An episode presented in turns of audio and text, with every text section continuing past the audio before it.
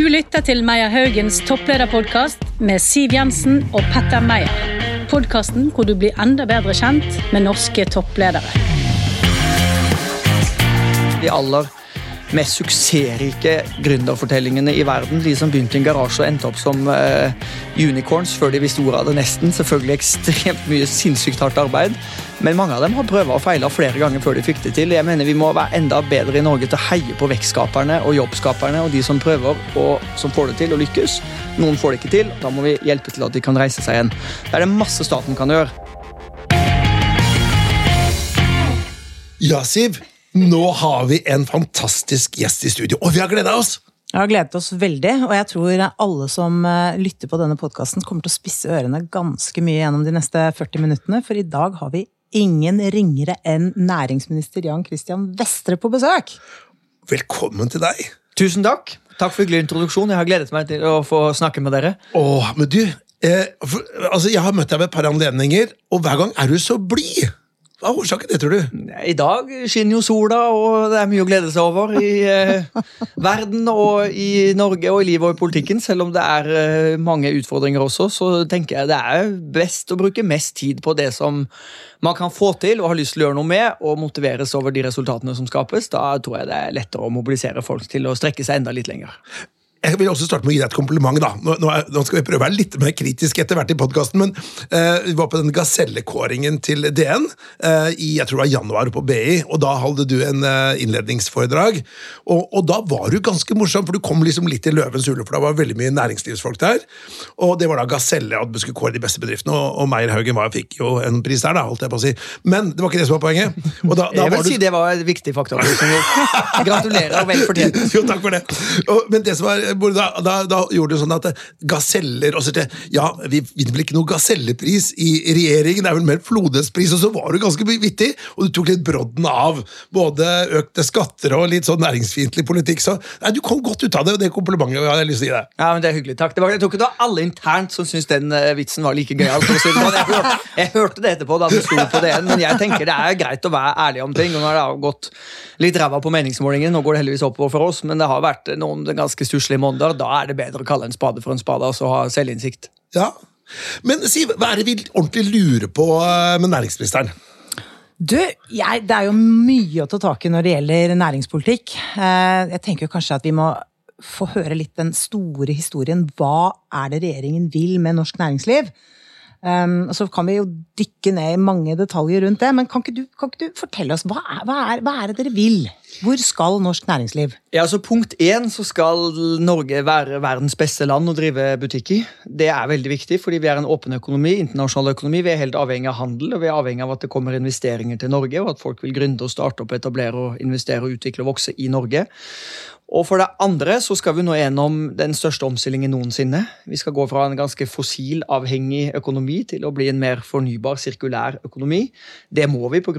klimaforpliktelsene, men også fordi at hele verden, våre kunder, de der ute som etterspør norske løsninger, de går den samme veien. og Da er det veldig dumt hvis vi som har noe å selge, ikke tilpasser oss. Og Det handler konkret om at vi skal øke investeringene på fastlandet. Vi skal øke norsk eksport utenom olje og gass med 50% innen 2030. Derfor har vi lagt fram Hele Norge eksporterer. Og vi skal få enda flere jobb. Nå har vi 1,8 arbeidsledighet, nesten full sysselsetting. Det er veldig bra, men fremdeles er det 100 000 av de unge som står helt utafor. Det er forferdelig sløsing med samfunnets ressurser og for den enkelte. Så vi må få flere inn. Det er på en måte utgangspunktet. Og så er det jo ikke vi i Næringsdepartementet eller regjeringen som skaper en eneste privat arbeidsplass. Det er det norske jobbskapere som gjør. Private bedrifter, små, mellomstore og store. Og da må vi jobbe godt på lag sammen med dem i offentlig-private partnerskap for å finne de beste løsningene, sånn at de kan vokse seg enda større, kutte utslipp og også øke lønnsomheten sin. Og Det er det store prosjektet vi nå er i gang med. Men du, nå ga du meg mange stikkord altså, til ting som vi må pirke litt mer borti. Kjør på, Siv. Kan ikke vi begynne med det grønne skiftet? Fordi veldig mange land i verden, eh, kanskje ledet an av USA nå, putter jo store subsidier inn i denne grønne omstillingen. Hvor bærekraftig er dette eh, subsidierallyet vi ser nå rundt omkring i verden, hvor Norge har kastet seg på?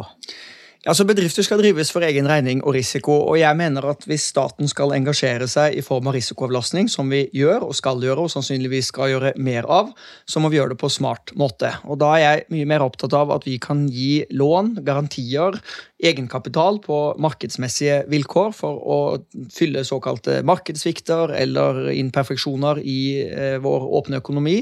Der hvor f.eks. teknologirisikoen er for stor, der det er for vanskelig for de første å gå foran, og der ingen vil ta regningen for noe vi likevel kommer til å måtte gjøre. Men det er veldig langt derifra den norske modellen, som jo ikke handler om å konkurrere på subsidier eller lavest mulig skatter. Vi begynte å avskaffe produksjonssubsidiene Arbeiderpartiet i regjering på 70-tallet. Vi skal ikke tilbake dit. Og gjøre det på den norske måten, som altså er en mer smart form for risikoavlastning. Så Mange ser nå til USA, IRA, Inflation Reduction Act, altså ikke terrororganisasjonen, og, og med, med, stor interesse for hva de gjør. Og, og Sånn skal ikke vi gjøre det i Norge. Men at vi kan bidra mer i disse offentlig-private Eh, partnerskapene for å mobilisere mer privat kapital til dette skiftet, det tror jeg vi er tjent med, også fordi vi har så sinnssykt dårlig tid igjen før vi skal ha innfridd eh, klimamålene, og da må vi tenke litt utafor boksen. Men så er det jo mange røster i næringslivet som da mener at dere må gjøre enda mer typisk som USA, hvis ikke så går alle de gode ideene dit. Hva svarer du på det, da? Ja, så IRA, Inflation Reduction Act, er 370 milliarder om lag i offentlige subsidier dollars. Det ikke så mange snakker om i næringslivet i Norge, er jo at Biden finansierer det med å ta inn dobbelt så mye skatteskjerpelser. Så noen betaler jo for dette gildet. Det er ingen gratis lunsj her heller. Og så er jo den amerikanske økonomien veldig stor. Så når du sammenligner den amerikanske økonomiens størrelse med den norske økonomiens størrelse, så gjør vi langt mer enn amerikanerne allerede. Det er noen som sier at eh, nå er liksom amerikanerne på toget, så nå må vi også hive oss på. Altså, Vi har vært på dette lyntoget lenge. Det er amerikanerne som endelig har funnet fram til togstasjonen. Og det er bra for internasjonal klimapolitikk, fordi vi må ha med den største økonomien i verden. Men vi har ikke noe å skjemme oss over i Norge. Så må vi huske på at det vi konkurrerer på her, det er kompetanse, det er produktivitet, det er høyteknologi, det er innovasjonsevne. Det er vår evne til å få mer ut av ressursene hvert eneste år. Trepartssamarbeidet, høyt utdanningsnivå. Det er der vi skal hevde oss. Vi har aldri vært med i konkurransen om å være billigst, vi har vært med i konkurransen om å være best. Og jeg tror at Hvis man ukritisk tror at bare jo mer subsidier fra staten, altså du og meg, skattebetalerne, vi putter inn, så blir denne industrien mer lønnsom, tja, det er jeg veldig skeptisk til. Og så risikerer man også å gjøre feil, og det er våre felles ressurser vi forvalter. Men en annen viktig ting, da, er jo stabile, forutsigbare og konkurransedyktige rammebetingelser. Og dere har fått ganske mye juling på dette i det siste. Hva har dere å si til de kritikerne? Altså, det er jo, det er noen bevis. Eh, bevis én er jo ikke at de truer med å flytte til Sveits, men de gjør det. Og bevis to har vi jo nå nylig sett, eh, at utlendingene også rømmer fra Oslo Børs. Gjør dere dere noen refleksjoner over denne kritikken? Ja, altså Punkt én. Det var helt nødvendig å gjøre noen skatteendringer i møte med den største inflasjonen siden jappetida. Fortell meg det landet som ikke har inflasjon, som ikke har økonomisk usikkerhet, og som ikke må se over statsfinansene sine en gang til for å møte denne krisa vi ikke har sett på flere tiår. Punkt to. De grepene vi skulle ta, har vi tatt. og Både finansministeren og statsministeren har vært veldig tydelige på Nå pekte jeg på deg, og tenkte du var finansminister. Jeg, det sånn, jeg husker det, men, men den nåværende finansministeren og statsministeren har har sagt at, eh, at, eh, det kommer ikke noen nye store skatteendringer for, for eh, næringslivet nå. Punkt tre det går godt i norsk økonomi. Det er mange nå som forsøker å tegne et veldig negativt bilde, men det er det altså ikke grunnlag for. 1,8% arbeidsledighet. Vi må 15 år tilbake for å finne like høy sysselsetting. Det settes nå investeringsrekorder i norsk økonomi. Det har aldri vært putta mer penger inn i norske bedrifter enn nå. Det etableres 7000 bedrifter hver eneste måned. Vi har lavere konkurstall enn før pandemien, og vi har lavere inflasjon enn stort sett de fleste av våre handelspartnere. Det er nå i hvert fall noe å glede seg over, og så skal vi selvfølgelig bidra til at det er forutsigbarhet om rammebetingelsene. Folk flytter til Sveits, sikkert av ulike grunner. Jeg vil bare si alle som en er hjertelig velkommen tilbake igjen, fordi Norge skal være et godt land å skape jobber i, og Norge skal også være et godt land for de som har skapt store verdier å være i. Men har dere, har dere regna på hvor mange milliarder statskassen har tapt på at kapitalen har rømt landet? Ja, så Det er jo nettobevegelser her, da. Og fram til nå så har det jo vært sånn at eh, omtrent like mange som flytter ut, også flytter hjem igjen. Og de har en tendens til å ta med seg mer når de kommer hjem, når de dro ut. Så netto har ikke staten tapt på dette, så vidt jeg vet, eh, de siste årene. Og Så har vi hatt en større andel nå som har eh, flyttet ut, og vi er selvfølgelig opptatt av å lytte til dem og høre hvorfor. Samtidig er det viktig å understreke da, at formuebeskatningen i Norge nå fremdeles er lavere enn for ti år siden. Så kan man også mene at den var for høy for ti år siden. Men har du 25 millioner i aksjeformue, så betaler du i år effektiv skattesats 0,88% For ti år siden så var effektiv skattesats 1,1% Så ble den satt en del ned, og så er den nå opp igjen. Men sammenligner man altså skattenivået på realformue mellom Norge og andre land, så ligger vi fortsatt godt under snittet. Det er ikke veldig mange land som har formuesskatt, men veldig mange land har arveavgift. Den har vi avskaffet i Norge. Vi har ingen planer om å gjeninnføre den. Hvem var det som gjorde det? Det var det du som gjorde, men det er vi jo enige om. Og det er også mange land som har nasjonal boligskatt, og det har heller ikke vært aktuelt for oss. Så ser du på samlet beskatning av realformue, så er den, er den lavere enn i OECD, og vi har heller ikke noe tanke om at den skal være veldig mye høyere enn den er i dag, og derfor har vi sagt det blir ikke flere større skatteendringer nå. Du, øh, vi har jo en del, eller en god del av lytterne våre er jo også gründere eller ønsker å bli gründere. Uh, og du sier at du skal skape det beste hva skal jeg si, beste landet å være arbeidsgiver i. Uh, hva er din uh, beskjed til de som kommer med en gründer i magen og har lyst til å satse? da? Hva tenker du rundt det? Sett i gang. Og følg drømmen. Og husk at det er en del som prøver seg, og så går de på trynet både én og to og tre ganger før de virkelig lykkes. De aller mest suksessrike gründerfortellingene i verden. De som begynte i en garasje og endte opp som uh, unicorns før de visste ordet av det, nesten. Selvfølgelig ekstremt mye sinnssykt hardt arbeid, men mange av dem har prøvd og feila flere ganger før de fikk det til. Jeg mener Vi må være enda bedre i Norge til å heie på vekstskaperne og jobbskaperne og de som prøver og som får det til å lykkes. Noen får det ikke til, da må vi hjelpe til at de kan reise seg igjen. Det er det masse staten kan gjøre. Nå har vi lagt om gründerfinansieringen i Innovasjon Norge. Det har vært et viktig innspill fra gründerne i Norge. Vi har forenklet, gjort det bedre, legger på ett trinn til i gründerfinansieringen, så vi følger dem litt lenger inn i reisen. Vi har lansert én vei inn til virkemiddelapparatet. Husk at vi har 18 ulike organer som forvalter. Jeg tror det er over 180 forskjellige støtteordninger og programmer. og tro meg, det er selv for næringsministeren som jeg nesten umulig å finne fram i. Nå har vi lagd én vei inn, så nå kan alle bedrifter, uansett om de er i ved unnfangelse eller om de er liksom industrilokomotiv, henvende seg ett sted på nett, og så får de svaret innen et døgn. Det handler om å forenkle. Og så er vi i gang med et stort prosjekt som skal spare bedriftene for 11 milliarder i offentlig byråkrati fram til 2025, hvor målet vårt er at alt det vi kan digitalisere, skal vi digitalisere. Unødvendig rapportering skal bort, og skjemaer og dobbeltutfylling av skjemaer, det hører steinalderen til, ikke 2020-tallet, og da må vi også bort med det. Og Det vil jo lette byrden og gjøre at bedriftene sparer penger, og så kan de bruke mer av kapitalen sin på å skape mer vekst for alle oss andre. Du, eh nå har vi jo prata litt om næringspolitikk, da. Kanskje vi kommer litt tilbake til det også. Men du er jo da her som toppleder, toppleder i, i Næringsdepartementet. Eh, hvordan er det å være toppleder der, da? Jeg føler jeg har verdens beste jobb.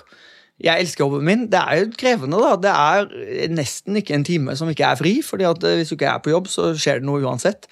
Så man må like å være på hele tida, og som man ikke stå i konstant press. Og nå har det vært mye vind, som Siv sa, fra alle mulige kanter. og det gjør at man blir ganske tykkhuda ganske raskt. Jeg kom jo fra ledelse av en familiebedrift gjennom ti år, og for å si det sånn, det var litt, var litt annerledes der. Det var høyt tempo, men det var ikke det liksom mediepresset og det offentlige presset. Og så er det en utrolig stor ære og glede å få lov å være med på et lag og være med å lede en så fantastisk flott stor gjeng av 350 embetskvinner og embetsmenn som hver dag eh, går på jobb for at det skal bli litt bedre å være næringsdrivende i Norge.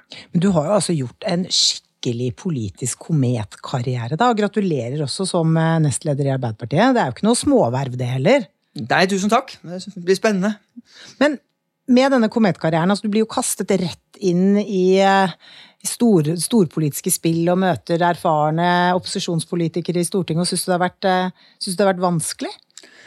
Ja, det var jo en veldig bratt læringskurve. altså for å si det sånn. Jeg var jo minst like overraska som alle andre i dette landet da, da jeg ble utnevnt som næringsminister. Så Det er jeg faktisk fortsatt. så Jeg håper Jonas ringte rett til Jan Christian. Det er ikke så mange Jan Christianer i Norge, så jeg tror han gjorde det. Men det er klart det har vært en, en At det ikke tok en eh, Klassekampen uh, og ringte feil person? Nei, ja, Det har jo skjedd i historien, det, tror jeg. Men det, Jonas vet hva han driver med også her, så han har full kontroll på alt i livet og politikken. Så det var nok riktig, men det er klart det har vært en bratt læringskurve. Og det er jo et svært departement. og masse ansvarsområder. Vi forvalter 1000 milliarder i, i det statlige eierskapet, veldig mye av rammebetingelsene for næringslivet. Og så er vi liksom inne i en veldig urolig tid. Da. Det var jo ikke lett før heller, med pandemi og mye annet. Vi hadde oljeprisfall i 2015, vi hadde finanskrise i 2008. Men husk at nå slår liksom alt inn samtidig. Største inflasjon siden jappetida, største energikrisa på 50 år, fullskala angrepskrig på vårt eget kontinent, og vi var liksom så vidt kommet ut av pandemien. Så det er det er tøft å være leder om dagen, og det tror jeg alle kjenner på om man leder en liten bedrift eller stor bedrift, eller er leder i offentlig sektor eller frivillighet eller i forvaltningen. Så merker man at det er tøffere enn før. Altså, så det krever mer av eh, lederne, og det ansvaret må jo da lederne ta. Hva var den største Eller et av de spørsmålene vi, vi stiller, er kan man lede hva som helst. Og du har jo da ledet en kommersiell møbelbedrift, da, altså en familiebedrift, og så går du av til å bli næringsminister. Er det liksom de to største ytterpunktene eh, man kan lede, tror du? Det er jo et interessant sånn, med sånn filosofisk spørsmål. det der. Jeg tror det Noen liker å lede, andre liker ikke så godt å lede. og På ulikt nivå så er det selvfølgelig eh, altså, Omfanget av ansvar øker jo kompleksiteten i oppgavene. og Hadde du spurt meg for noen år siden om jeg kunne lede Næringsdepartementet, så hadde jeg helt sikkert sagt nei, nei, det kan jeg ikke. Men så er det jo en gang sånn at vi mennesker er jo veldig omstillingsdyktige og tilpasningsdyktige. og Når vi blir stilt overfor nye muligheter og utfordringer, så møter vi dem litt forskjellig, men mange vil jo gjerne gripe dem og ta dem og gjøre det beste ut av det. Jeg tror Hvis man er flink til å bruke menneskene rundt seg, spille på lag, la folk få blomstre, gi frihet, ansvar, lytte til faglige råd, øh, forsøke å ivareta en god helhet, så tror jeg mange, mange kan gjøre den jobben, ja. Men du må jo ha grunnleggende interesse for det, vilje til å jobbe veldig hardt eh, også kunne gå på trynet, og selvfølgelig som jeg sa, være forberedt på å stå kontinuerlig i, eh, i press og kritikk. Men du, jeg, altså jeg, er helt enig i at det er viktig å lytte til faglige råd, men jeg har hørt rykte om at når dere kom med denne her midlertidige arbeidsgiveravgiften, at dere kanskje ikke lyttet så altfor mye til faglige råd? Er det sant? Ja, Du vet like godt som meg at jeg kan ikke kommentere internt arbeid i regjeringen, men eh, for å si det sånn det er jo ikke en midlertidig økning noen av oss er veldig begeistret for. Og vi har sagt at den er midlertidig. Hvor lenge den er situasjonsbestemt. Nei, jeg håper vi kan fase den ut når tiden tillater det, altså ikke altfor lenge. Men den gir altså et proveny på om lag 7 milliarder. Og vi kom altså til augustkonferansen i fjor. Det er jo, dette vet jo finansministeren tidligere mye bedre enn meg, men eh, vi kom altså med en underdekning på om lag 100 milliarder. Krigen i Ukraina Eh, stor prisvekst, folketrygden. Vi måtte eh, justere opp forsvar og beredskap i møte med en aggressiv nabo, som alle vet. Og, og hva gjør du da? Skal vi gå inn for liksom massive velferdskutt? Si opp politifolk, lærere, folk i barnehagen, helsevesenet, der det er mange uløste utfordringer? Eller punkt to, skulle vi skjerpe skattene for eh, alle i stort gjennom å øke selskapsskatten eller noe annet? Og da mente vi at i den situasjonen, for å få inn de pengene, så var det bedre da å lage en midlertidig økning i den arbeidsgiveravgifta, som fremdeles er mye lavere enn f.eks. vår nære handelspartner Sverige. Og så håper jeg vi får den ut etter hvert. Men jeg må spørre om det, da, fordi jeg vet jo uh, veldig godt hvor vanskelig det er å skulle finne 7 milliarder kroner, eh, særlig nå hvor det er stramme budsjetter og alt mulig rart. Så hvordan i alle dager skal dere klare å finne de 7 milliardene til å, altså når dere skal bestemme dere for å fase den ut. Da må det jo eh, strammes inn på et eller annet annet. Ja, all politikk er jo prioriteringer, selvfølgelig, så vi kan gjøre mer av noe og mindre av noe annet. Men så er jeg litt opptatt av når vi snakker om handlingsrommet dette tiåret, at vi bør bruke mer tid på å snakke om hvordan kan vi bake en større kake. Altså hvordan kan vi øke handlingsrommet vårt. Og det er jo ikke noen tvil om at selv om vi nå har høy sysselsetting, nesten full utnyttelse av uh, kapasiteten i økonomien, i praksis ingen arbeidsledighet, så er det altfor mange som står utafor. Og dette var det et utvalg du satte ned, tror jeg, som, som, som beregnet effekten av. og jeg mener at hadde vi hatt samme sysselsettingsandel nå i den mest produktive delen av befolkningen som vi hadde for ti år siden. altså Vi har vært der før, så det bør jo være mulig. Så hadde vi hatt en 10-15 milliarder i økt handlingsrom over statsbudsjettet. Og så mener jeg at offentlig sektor også må fornyes og forsterkes og forbedres. Digitaliseres. Vi må gjøre grep der også for å bruke ressursene mer eh, effektivt, eh, selvfølgelig. Og det er en stor oppgave for alle regjeringer, også for oss. Du som da har den nærings, ganske unik næringslivserfaring. Eh, for det er jo ganske mye offentlig sektor og, og politiske broilere i enhver regjering. Syns du noen gang er vanskelig å forklare dine regjeringskolleger at hvordan næringslivet egentlig fungerer? Nei, All politikk handler jo om helhet, da, og ta ansvar for helheten. og Det er mange viktige interesser i vårt land. Næringslivet er selvfølgelig en av dem. fordi Jeg tilhører et parti som har liksom, stolt tanker om skape og dele. Verdiene må skapes før de kan deles. og Det er det private næringslivet som finansierer velferden. Det at bedrifter går med overskudd er grunnleggende sett positivt. Det at det er jobbskapere i landet vårt som hiver seg ut i det og tar risiko, satser pengene sine, jobber dag og natt for å skape verdier.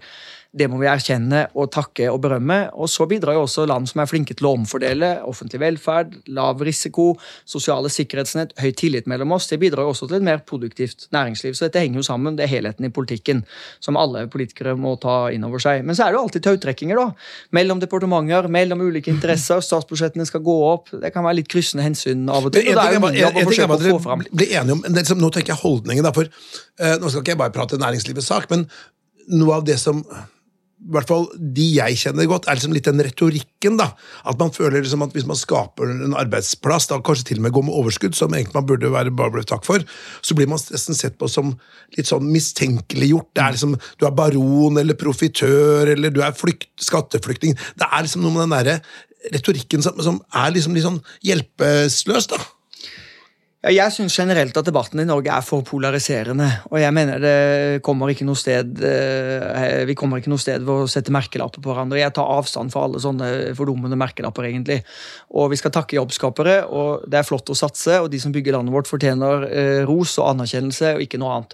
Så er det jo en ærlig debatt hvor høyt skal skattenivået være. Er det rett eller ikke rett at uh, oppdrettsnæringen havbruk bidrar mer til fellesskapet gjennom grunnrente? Hvor mye skal den grunnrenta være? Hvor høy skal formuesskatten være? Dette er jo åpne, ærlige politiske diskusjoner hvor vi må bare respektere at vi har litt forskjellig Eh, synspunkt. Men eh, vi bør kunne snakke til hverandre på en bra måte, og det innspillet det har vi hørt. Og vi har vært veldig opptatt av å si at, eh, at vi heier på jobbskaperne. Selv tror jeg ikke jeg har brukt de begrepene noen gang. rett og slett, for jeg synes det har fått en annen lyd de siste månedene. Da. La oss si etter påske så var det sånn med, Nå er det vanlige folks tur, som det er riktig valg på. Som, det er kanskje noen føler litt ekskluderende, for hvem er nå engang vanlige folk? Det er noe også sagt, da. Men det, det har, dere har lyttet, og det skal dere få ros for. Får vi se hvordan det går framover. Men nå er vi i hvert fall på vei oppover. Så vi, vi, for å si det sånn, vi tar jo hintet. Og det er aldri velgerne det er noe gærent med når et parti gjør det dårlig på målingene. Velgerne har 100% rett. Så hvis de ikke liker oss, så er det oss det er noe gærent med, ikke omvendt. Og Den tilbakemeldingen har vi tatt på alvor. Og Derfor har vi vært opptatt av både politikk, i kommunikasjon, prioriteringen av sakene, hvordan vi er ute. Selvfølgelig å vise velgerne at vi tar dette på alvor, og det ser vi nå at begynner å gi en viss form for uttelling. og Det er jeg selvfølgelig takknemlig for, men det er veldig hardt arbeid hver eneste dag, og tillit den må man bare fortjene. Men du, en annen debatt som uh, har tikket og gått en stund. Altså, det er jo dette, liksom, Vi har et stort statlig eierskap i Norge, og staten og du som ja, med mye ansvar for ditt seg, forvalter jo enorme verdier. Det er store, stor omsetning, mange tusen ansatte. Og så går nå debatten om eh, styrehonorarer og bonuser og alt mulig sånn. Eh, den, det har ikke gått helt stille i dørene der heller. Hva har du å si til, eh, til den debatten? Altså, Den debatten har jo gått i alle år, så det er ikke noe nytt. Men vi la jo fram en ny eierskapsmelding i fjor høst. Den ble ganske nylig for noen uker siden vedtatt av et veldig bredt flertall på Stortinget. Det er bra, fordi eierpolitikken er ekstremt viktig, og at vi forvalter dette eierskapet profesjonelt, ansvarlig, langsiktig, ikke finner på noe tull, at det er brede forlik, veldig bra. Så berømmer også opposisjonen for å ha vært med på det. Og det er jo en eierskapsmelding som i stort viderefører de gjeldende rammene, ansvarsfordelingen, hva styret skal bestemme, hva eier kan ha meninger om. Og så har vi økt forventningene på noen områder, f.eks. klima. Vi er nå det første landet i verden som forventer at selskaper med statlig eierandel skal ha vitenskapsbaserte klimamål. Det er viktig, for dette er selskaper som står for ti ganger mer enn Norges samlede CO2-utslipp, så det har noe å si hvordan de beveger seg. Så er ikke det mer radikalt enn at veldig mange store internasjonale private investorer allerede stiller de samme kravene, men det offentlige kan jo ikke være så mye dårligere enn det private, mener jeg. Og så har vi også økt forventningene på lederlønn, og det er fortsatt styrene som skal fastsette lønn, selvfølgelig. Det følger aksjelovgivningen, men der har vi også forventet at maksimal bonus skal halveres fra 50% til 25 og dette følge- eller forklar-prinsippet, som innebærer at hvis en toppleder får høyere lønnsvekst enn gjennomsnittet av de ansatte, så skal det begrunnes særskilt og legges fram på generalforsamlingen. Og Det er jo fordi at vi er opptatt av at selskapene skal være attraktive. Det er mange måter å være attraktive på. De må selvfølgelig ha konkurransedyktige betingelser, men de må også utvise moderasjon, og det er det vi da har, har eh, forventninger om. Men Hva har du da å si til Nammo, da, som åpenbart eh, trosser dette fullstendig? Nei, Det gjør det ikke. Vi har god dialog med Nammo, men vi er jo ikke den eneste eieren av Nammo. da. Nammo eier vi sammen finske stat. 50% norsk og 50% finsk. Og det er ikke sånn at vi som norske eiere liksom kan trampe løs og ikke høre på hva de andre eierne mener. Noen ganger har vi heleide selskaper, noen ganger er vi majoritet, noen ganger er vi minoritet. Her er vi 50-50, og da må vi lytte til hverandre. og Her har styret kommet til at den beste løsningen der er det de har lagt fram på generalforsamlingen. og Det mener jo styret selv i stort er i tråd med det som er eh, den norske stats forventninger. og Det forholder jeg meg i hvert fall til nå. Men Hvor lett syns dere det er nå å rekruttere kompetente folk til styrelederverv og styreverv i stort i disse viktige selskapene? Det er jo mye ansvar? Ja, det er veldig mye ansvar. Det er noen av de viktigste selskapene våre, og globalt også. Og det er jo ikke staten som rekrutterer verken eh, styremedlemmer, det er det valgkomiteene som gjør, og bedriftsforsamlingene vedtar, eller generalforsamling. Og det er jo styrene som ansetter de daglige lederne, og det er mange som ønsker å påta seg disse vervene, men det er også skjedd ting internasjonalt de siste årene. God governance tilsier at man bør ha færre styreverv, så vi ser nå at er flere av de såkalte styregrossistene det er jo positivt å ha mange styreverv og være flink, men uh, vi ser nå at de går liksom ned på antallet styrer de kan, kan uh, sitte i. Og, og, det er også stor konkurranse selvfølgelig der ute om uh, flinke hoder. og Det påvirker også selskapene med statlig eierandel. Dette med rekruttering, da. Eh, Meyer Haugen, eh, vi er jo et rekrutteringsselskap. Eh, og jeg kunne tenke meg å høre litt hvordan du selv, både nå i departementet, men også da du var leder i din, din familieforetak, hva er viktig når du selv skal rekruttere? Hva ser du etter da? Ja, altså det, det, det er viktig å sette sammen team som er ulike, men som likevel utfyller hverandre. Og Da jeg rekrutterte før, så var jeg mer opptatt av hva som bodde i folk, enn akkurat hvilke studiepoeng de hadde og hvilke kurs de hadde tatt. Og Det er viktig med utdanning, men det er også viktig å, å, å ville noe, brenne for noe, ha passion for noe, lidenskap for noe, og også ha realkompetanse. Så, så, Det var liksom det jeg lette etter før. Er det noe galskap inni deg som vi kan gjøre noe gøy ut av sammen, og reise til månen sammen? Du må faktisk ha visjoner som leder, du må tørre å sette uh, tøffe mål. Du må tørre å våge å være anerkjenne at av og til så må man gå på trynet, prøve og feile. Det er bedre å feile et par ganger og virkelig få suksess noen få ganger enn å aldri tørre noen ting. Så, så det mener jeg er, er uh, viktige ting med rekruttering. Er det litt annerledes i departementet, da, da er jo ikke jeg inne i det på samme måte enn som næringslivsleder som jeg var før. Men jeg tror noe av den samme tankegangen den er nok aktuell uh, uansett hva man rekrutterer til. Så det er bedre med og tatt litt mye Møllerstrand enn litt lite Møllerstrand? Du kan ikke bare ha folk som tar mye Møllerstrand, men det er bra at det er noen som tar Møllerstrand også. Så skal du selvfølgelig ha de som kan ta litt ting ned på eh, jorda og ha motforestillinger og, og stille kritiske spørsmål. Men verden er full av motforestillinger, og hvis vi lar det bli for mye motforestillinger, så stopper også veksten opp. Og dette har jeg erfart veldig som næringslivsleder også, at uh, hvis du virkelig skal vokse og bli stor og få til veldig gode resultater, så må du tørre å hive hive deg uti og, og, nesten gjøre det som egentlig er umulig. Det er da, det er da man oppnår eh, store ting. Det savner jeg av og til. Jeg, ikke, jeg hører hva Siv mener om dette også, men sånn fra, fra politikken. Vi har veldig flinke embetsverk, og de er faglige og de er tunge, men det ligger jo litt risikoaversjon i våre systemer. Oh, ja. eh, og det er på godt og vondt, for det ivaretar liksom stabilitet og helhet og trygghet og langsiktighet og sånn, men, men det kan jo også hemme en nødvendig utvikling, omstilling og nytenkning da, hvis man drar det for langt. Og sannheten er at den enorme omstillingen vi nå står i, som vi mangler sidestykke. Eh, det, det, er ingen fagpersoner som kan med hånda på si at de har alle fasitsvarene eller alle de økonomiske modellene eller, eller liksom den eh, eneste bestemte løsningen hvordan vi skal gjennom det skiftet på. Der tror jeg også det med tverrfaglighet, eh, koble sammen ulike yrkesgrupper, de beste samfunnsøkonomene, men også med bedriftsøkonomer og folk som har hatt skoa på i næringslivet og stått i omstilling selv og skapt store verdier, og som har liksom førstehåndskunnskap om, om hvordan ting blir til også i næringslivet, er veldig viktig å lytte til. altså. Det var under den eh, koronaepidemien som heldigvis er bak oss, da man hørte på det var Holden-utvalget. Og da sa han at liksom, eh, Det var riktignok ikke, ikke Det var før, før, du tiltrådte, men da sa han at nei, regjeringen vil ikke gå inn og redde de bedriftene uh, hvor, hvor, som kunne bli erstattet. Og da var det mange av mine næringslivskompiser som bare holdt på å få kaffen i halsen. For sant, jeg var liksom litt sånn, Kan du bare erstatte liksom, Ja, alle bedrifter kan jo erstattes, eh, heldigvis. Eh, men, men, det var liksom en holdning rundt det der. da. Så jeg må bare si at eh, jeg er imponert over eh, det engasjementet du har for privat næringsliv, da, og den der, eh, erfaringen du bringer til torgs. Og jeg håper, som sagt, som jeg nevnte i stad, at, du kan ta sånn sånn voksenopplæring på noen av kollegaene dine, så det ikke blir altfor altfor næringsfiendtlig framover. Men Nei, jeg skal ikke være næringsfiendtlig. Jeg tror ikke, hadde, hadde vært det, så hadde ikke de resultatene vært sånn som de er heller. Men bare ett om det med konkurser. altså Det er jo forferdelig vanskelig, fordi at i enhver velfungerende blandingsøkonomi så kommer noen bedrifter til, og noen faller fra. Og når noen faller fra, så frigjøres kapital og arbeidskraft, som da går til bedrifter som kommer til.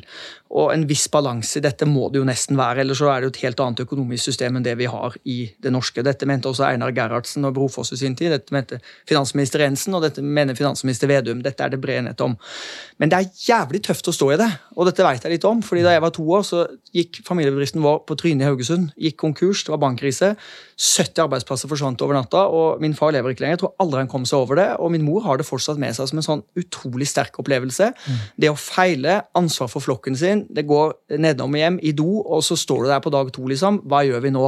Masse folk mister jobben sin. Så jeg vil jo at færrest mulig bedrifter skal gå konkurs, og vi må selvfølgelig legge forholdene til rette til at flest mulig kan lykkes, gode rammebetingelser. Men politikere kan ikke gå inn og redde enkeltbedrifter i en blandingsøkonomi der det skal være en naturlig omstilling. fordi Det ville kanskje vært behagelig på kort sikt, men på lengre sikt ville det vært oppskriften til svekket verdiskaping og lavere produktivitet, og det kan vi ikke tillate oss. Selv om det er upopulært å si det jeg sier nå, så er det det eneste riktige, og det er det egentlig stor enighet om. men Det er bare altfor mange som ikke tør å si det høyt. Men det er jeg helt enig i. Og så har det vært en litt sånn endring i debatten altså etter korona. da, For da skulle jo veldig mange bedrifter få støtte, og det var for så vidt fair nok. Men så plutselig kommer strømstøtte, da. Som er pluss og minus, og så går det et par år, så kommer det en annen innsatsfaktor som plutselig går opp i været. ikke sant? Det kan være lønn, det kan være en annen, og da skal staten inn og støtte det òg. Hvor går grensa egentlig for å, å, å støtte disse bedriftene? da? Ja, men det er Anders var veldig lyst til å si noe om dette også, men altså nei, det, Utgangspunktet er at bedriftene må drives for egen regning og risiko. Ja, ja. Eh, og hvis staten skal inn med motkonjunkturpolitikk, så må det være det ekstraordinært. Finanskrisa 2008, da dette såkalte gullkortet ble brukt, Ja, ekstraordinært. Pandemien, åpenbart. Hvor mange Vi hadde flere hundre tusen arbeidsledige. Mm. Jeg, tror da, jeg tror vi er oppe i 10% arbeidsledige. Åpenbart at vi må gjøre noen ting. Det kan være veldig gode grunner til at man skal eh, drive en sånn motsyklisk politikk, eller kompensere eller insentivere, eller på en måte eh, holde ting i gang. Men timingen må være rett. Fordi at Hvis du gjør det på feil tidspunkt, så gjør du bare ting verre. og problemet, eller Det er fælt å si et problem, da, men gleden med norsk økonomi nå er jo at de stort går veldig veldig godt. Vi er oppunder taket i kapasitetsutnyttelsen. Vi har egentlig ikke flere hoder og hender igjen til å utføre oppgavene. og Hvis du da på en måte kunstig stimulerer eller insentiverer eller liksom bygger inn mer økonomisk aktivitet i en økonomi som nå går så fort at vi liksom er på kanten til å nærme oss inngangen på 80-90-tallet, da vi fikk en pris- og lønnsspiral som tok et tiår å komme seg ut av, så er liksom oppgaven å forsøke å i hvert fall bremse litt, eller i hvert fall ikke gasse mer. Og det er jo en av grunnene til at vi har vært veldig tilbakeholdne med mer strømstøtte til næringslivet, og heller vært opptatt av å få på plass disse fastprisavtalene. Og der var jo jeg litt kjepphøy i høst og sa vi skulle få fastpriser til under krona, og fikk mye kritikk for det, men eh, nå sjekka jeg i dag tidlig, for jeg trodde kanskje dere kom til å spørre om det, og nå koster altså de, selv de korteste fastprisavtalene her på Østlandet eh, rett over 70 øre, mandag til fredag 8 til 4, og det var det vi sa, og nå kan da bedrifter som, som vil tegne det. Men det er viktig å si, vi som politikere skal ikke mene noe om hva private bedriftseiere skal gjøre med sin virksomhet. Så om bedriftene da mener at eh, spotprisen kommer til å fortsette å falle, så de vil ligge i det frie spotmarked, eller om de nå vil benytte anledningen til å sikre prisen en mulighet de ikke hadde før i stort, vel, jeg har 100 tillit til at norske bedriftseiere vet det best selv, men nå har vi i hvert fall gitt dem en, en valgmulighet. Men du, i en tid med liksom, nesten 100 kapasitetsutnyttelse og mangel på arbeidskraft og alt det der, hva er regjeringens store plan? Jeg vet at dette ikke er ditt konstitusjonelle ansvar, altså, men jeg må spørre allikevel. Med det enorme utenforskapet vi har, altså det er jo mange hundre tusen mennesker som har i hvert fall delvis arbeidsevne, men som opplever at de ikke blir sett, ikke får muligheter, tersklene inn er for høye. Nå har dere jo tidenes mulighet til å gjøre noe med det. Hva gjør dere? Ja, jeg er helt enig med deg, og dette har jo ulike regjeringer forsøkt å gjøre noe med. Dere inklu lagde inkluderingsdugnaden. Mye bra å bygge videre på der. Det ble tatt grep før, og det tas til nå. Og 100 000 flere kom inn i private arbeidsplasser i fjor. Det er veldig bra, og nå har vi sagt at de neste 100 000 skal være de under 30. For der har vi en altfor stor andel som er utafor. Og noen mangler utdanning, og noen mangler eh, arbeid. Nå innfører vi i alle kommuner ungdomsgarantien, som innebærer at de under 30 som er utenfor, har da en ubegrenset rett til å få tilpasset veiledning og systematisk oppfølging så lenge de trenger, dvs. Si helt til de kommer i aktivitet. Så det er nå i hvert fall ett tiltak. arbeidsmarkedstiltakene. Viktig at vi styrker de, men jeg tror også vi må være villige der til å tenke litt nytt og annerledes. Og jeg er i hvert fall veldig opptatt av der offentlig-privat samarbeid også, at vi kan bruke andre deler av sivilsamfunnet for å inkludere flere. Jeg har møtt veldig mange av disse aktørene selv, om det er vekstbedrifter, eller om det er frivillighetssentraler, eller om det er ungdomsklubber, eller om det er ulike deler av ideell sektor som kan ta inn flere. Og så skal jeg være litt forsiktig siden det er arbeidsministerens område, men personlig, da, hvis jeg får lov å bare være meg, så mener jeg det er noen ting vi også må se på i Nav og i systemene. Altså, når jeg møter folk, unge folk som er støtt ut av arbeidslivet av ulike grunner, Det kan være rus, hull i CV-en, ungdomskriminalitet, teite ting de har gjort, men de har rydda opp etter seg og er egentlig klare. Og så risikerer de altså for da å miste dagpenger eller gå, gå, ned i lønn fordi de takker ja til en, en deltidsjobb som da er eh, dårligere eh, lønnet, sånn at de da vil fortsette å gå på stønader istedenfor å ta den jobben. Så det skjønner jeg jo, for de tenker privatøkonomi. Da må vi også se på om det er mer vi kan gjøre i systemene våre for å tilpasse dem folk bedre, og gjøre det mer attraktivt å velge jobb, samtidig som vi har gode sosiale sikkerhetsnett for de som er utafor. En krevende oppgave, men det er helt riktig at nå når det er så stor etterspørsel etter arbeidskraft, så bør det være gode muligheter for å få dette til. Mm. Du, det er ganske mye vi har lyst til å spørre næringsministeren om, men vi må teste litt sånne lederegenskaper på nå, må vi ikke det? Ja, vi må det. Uh, og uh, vi har gjort da litt sånn, uh, sett litt på forskningen da, og funnet ut hva slags personlige Eh, personligheter har toppledere, eh, og hva kjennetegner de? Og Nå skal jeg da ramse opp noen, eh, noen personlighetsegenskaper, og så skal du si ja eller nei om du har det. Og så skal vi nyansere etterpå. Er du klar? Jeg er klar som et egg. ja, det er godt å høre. Har du høyt energinivå? Ja, det tror jeg. Er du stresstolerant? Ja, ja. I stort er jeg det. Har du høy selvtillit? Eh, på vegne av prosjektet og oppgaver og sånn, men ofte er jeg veldig, ikke veldig, men usikker på meg selv og selvkritisk etter en opptreden eller etter en debatt eller etter noe. Det, er alltid mye mer forbedringspotensial enn ting jeg var veldig fornøyd med. Ja. Så litt midt på tre, tror jeg. Ja. Eh, tenker du at du har høy påvirkningskraft på folk rundt deg? Både òg. Eh, er du resultatfokusert? Ja. er du overbevisende overfor andre? ja, Det spørs hvem du spør, tror jeg. Men når jeg tror på noe, så tror jeg veldig på det. Og så er jeg opptatt av å forsøke å finne breie løsninger som mange føler eierskap til. Og det hjelper jo ofte hvis du skal overbevise, da. Ja. Hensynsfull? Ja. Eh, besluttsom? Ja, det tror jeg. Noen ganger så tror jeg kollegaene i departementet vil si at det av og til besluttes litt for raskt, men eh, vi har mye vi skal gjøre på, på de første fire årene, så uh, jeg holder høyt tempo, og det, som regel går det bra. Ja, Optimistisk? Ja. Bra. De fleste bekymringer vi mennesker har, de blir det aldri noe av. Ja, Men du, her har vi litt å ta tak i, Siv. Ja, altså jeg, du, du nølte litt her og der, og sånn, men jeg, jeg, lurer bare på om det var litt sånn kledelig beskjedenhet? Ja.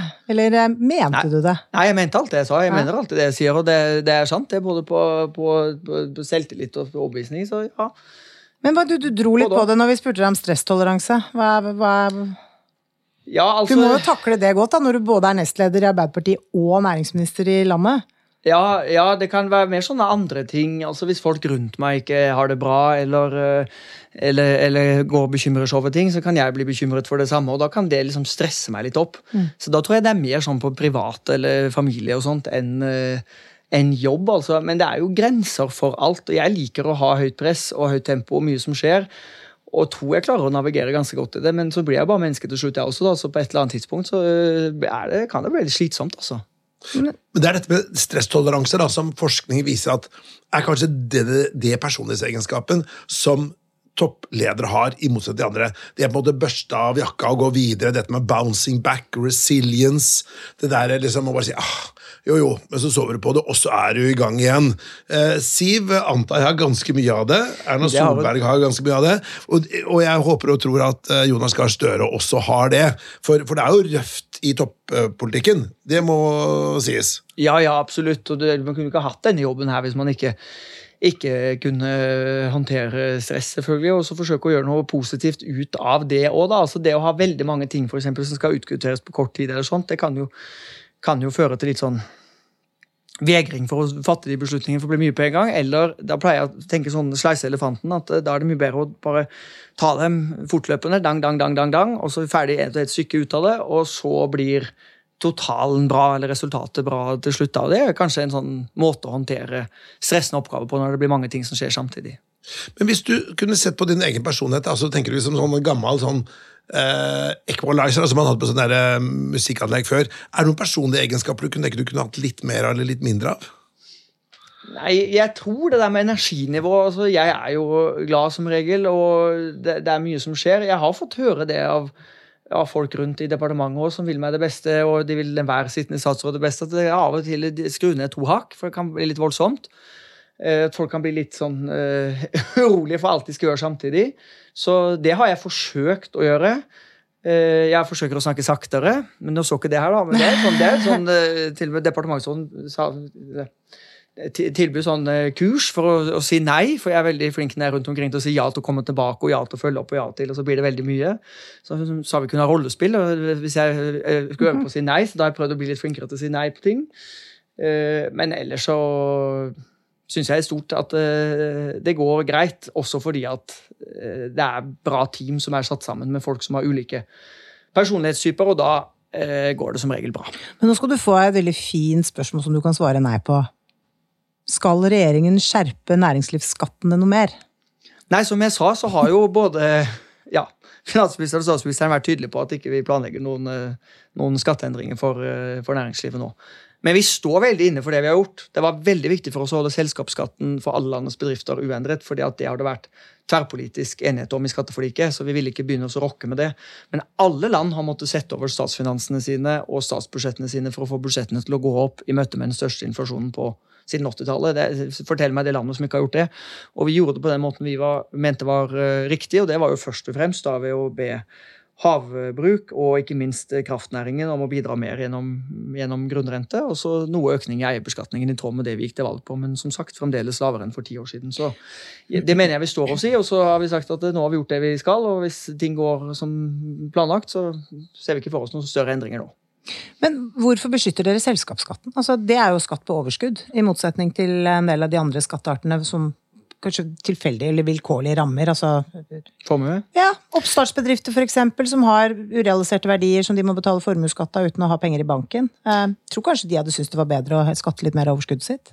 Ja, altså, det kan man ha ulike meninger om, selvfølgelig. Eh, alle skatter har jo en effekt på verdiskapingen og har noen negative sideeffekter. Og den skatten som i hvert fall de fleste skatteøkonomer mener har lavest verdiskapingsfall, eller lavest negativ påvirkning på verdiskapingen, er, er å ha en bred selskapsskatt, som er på et ikke for høyt nivå. Derfor er den jo satt ned. I 2013 var den 28% nå er den 22 Det har vi gjort sammen.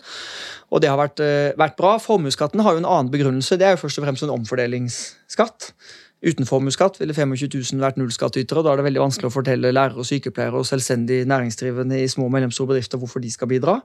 Og så som sagt så må man jo se da eh, formuesbeskatningen opp mot andre eierskatter, som er vesentlig lavere i Norge enn i mange andre land. Så totalt sett så kommer vi ut under OECD-snittet.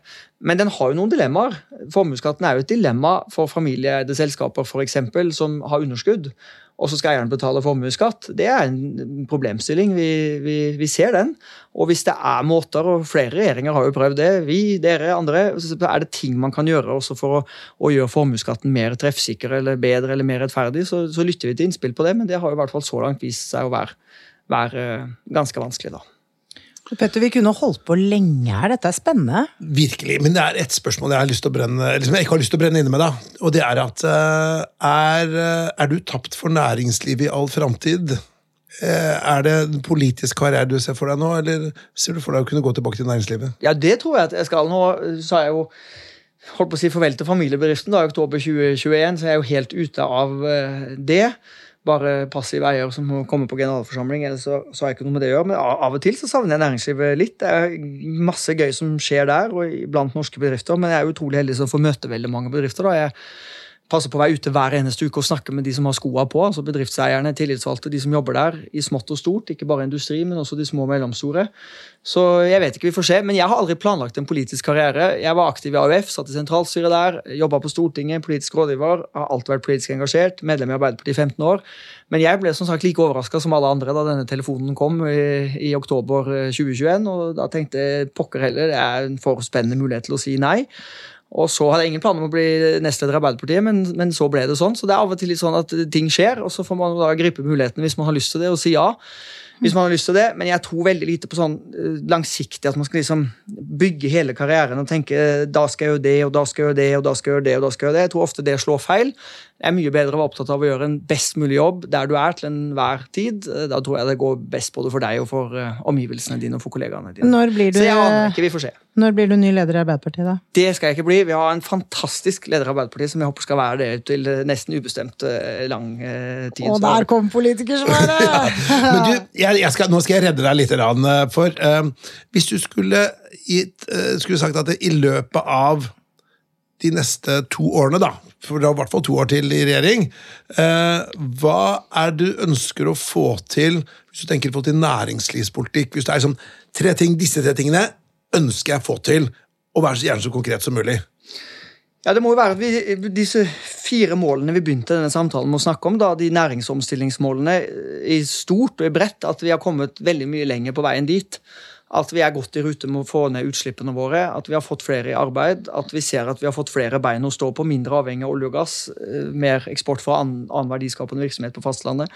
Det, det, tror jeg må liksom være eh, bildet. Det er ikke min eller vår oppgave å sitte og peke på enkeltbedrifter eller enkeltteknologier, eller for så vidt også være forsiktig med enkeltnæringer, men at vi har fått liksom fortgang på de nye grønne verdikjedene, det tror jeg blir noe av det viktigste eh, framover. Det er vi god, god, vei på. Og så vet du, Vi har ingen planer om å tape om to år. Vi har en plan, og den blir veldig god etter hvert. så det er bare... Opposisjonen bør ikke glede seg for tidlig. Men du, jeg må bare si tusen takk for at du kom i studio. Og du prater jo litt fort. altså Nå har vi egentlig en sånn to timers podkast. Jeg tror vi må sette den litt i sånn der slow motion. og søren og jeg skal øver meg på å snakke saktere. Dere er engasjerende folk vet du, som stiller bra spørsmål og lar meg få snakke om ting som jeg oppriktig er opptatt av, og da blir det sånn sånn. Det var veldig gøy å få være sammen med dere. Tusen takk. Og jeg må bare si, ønsker deg lykke til den viktige jobben du gjør. og... Uh, ja, jeg må si at uh, jeg, jeg syns det er veldig positivt at vi har en, næring, en person fra næringslivet selv som næringsminister. Så uh, vel da. Takk. Og lykke til videre. Takk det samme. God sommer. God sommer. Du har lyttet til rekrutteringsselskapet Meyer Haugens topplederpodkast. Vi produserer også Rekrutteringsrådet og stillingspodkaster. Har du forslag til gjester eller temaer vi bør snakke om, gå inn på vår Facebook-side Meyer Haugen.